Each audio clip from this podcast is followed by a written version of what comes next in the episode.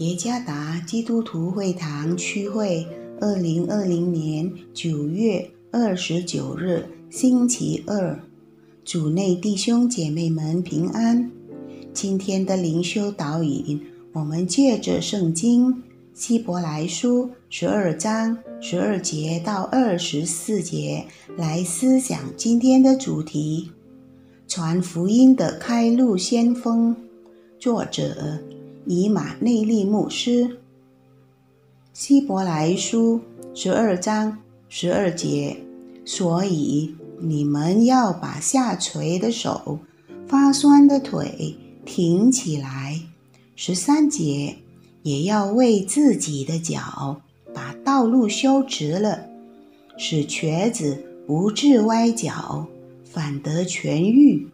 十四节，你们要追求。与众人和睦，并要追求圣洁，非圣洁，没有人能见主。十五节，又要谨慎，恐怕有人失了神的恩，恐怕有毒根生出来搅乱你们，因此叫众人沾染污秽。十六节，恐怕有淫乱的，有贪恋世俗。如姨嫂的，他因一点食物，把自己长子的名分卖了。十七节，后来想要承受父所祝的福，竟被弃绝。虽然嚎哭切求，却得不着门路，使他父亲的心意回转。这是你们知道的。十八节。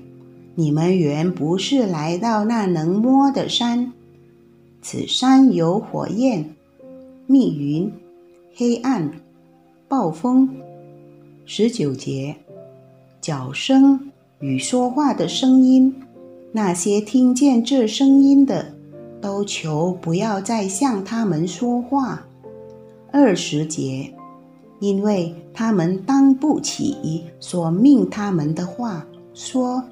靠近这山的，即便是走兽，也要用石头打死。二十一节所见的极其可怕，甚至摩西说：“我甚是恐惧战惊。”二十二节，你们乃是来到锡安山，永生神的诚意，就是天上的耶路撒冷。那里有千万的天使。二十三节有名录在天上诸长子之会所共聚的总会，有审判众人的神和被成全之一人的灵魂。二十四节，并新约的中保耶稣以及所洒的血，这血所说的。比亚伯的写所说的更美。一本书的封面上有佛蒙特山脉茂密叶子的小径，穿过这条路的人，即使经过艰难的地区，也可以享受平坦而优美的行程。一切都很美，因为有人在艰辛努力设计路线。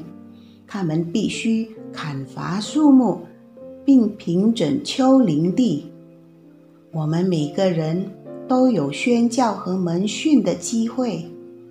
我们正在为后代子孙准备信心之路。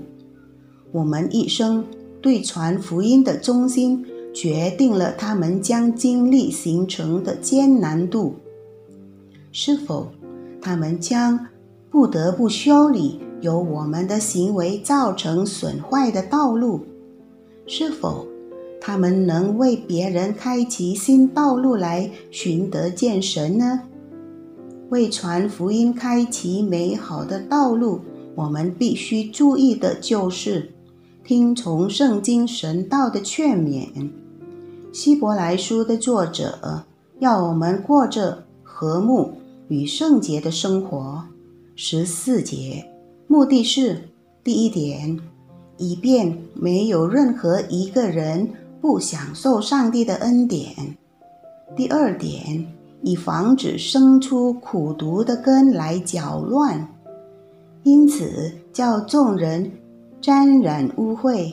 十五节，我们能相信基督。乃是他们为我们的信心修直道路的侍奉的成果。十三节，现在正是我们为下一代修直道路的时候了。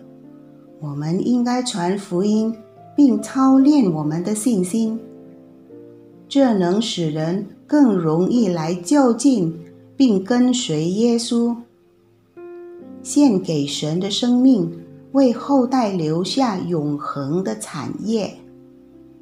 主耶稣赐福。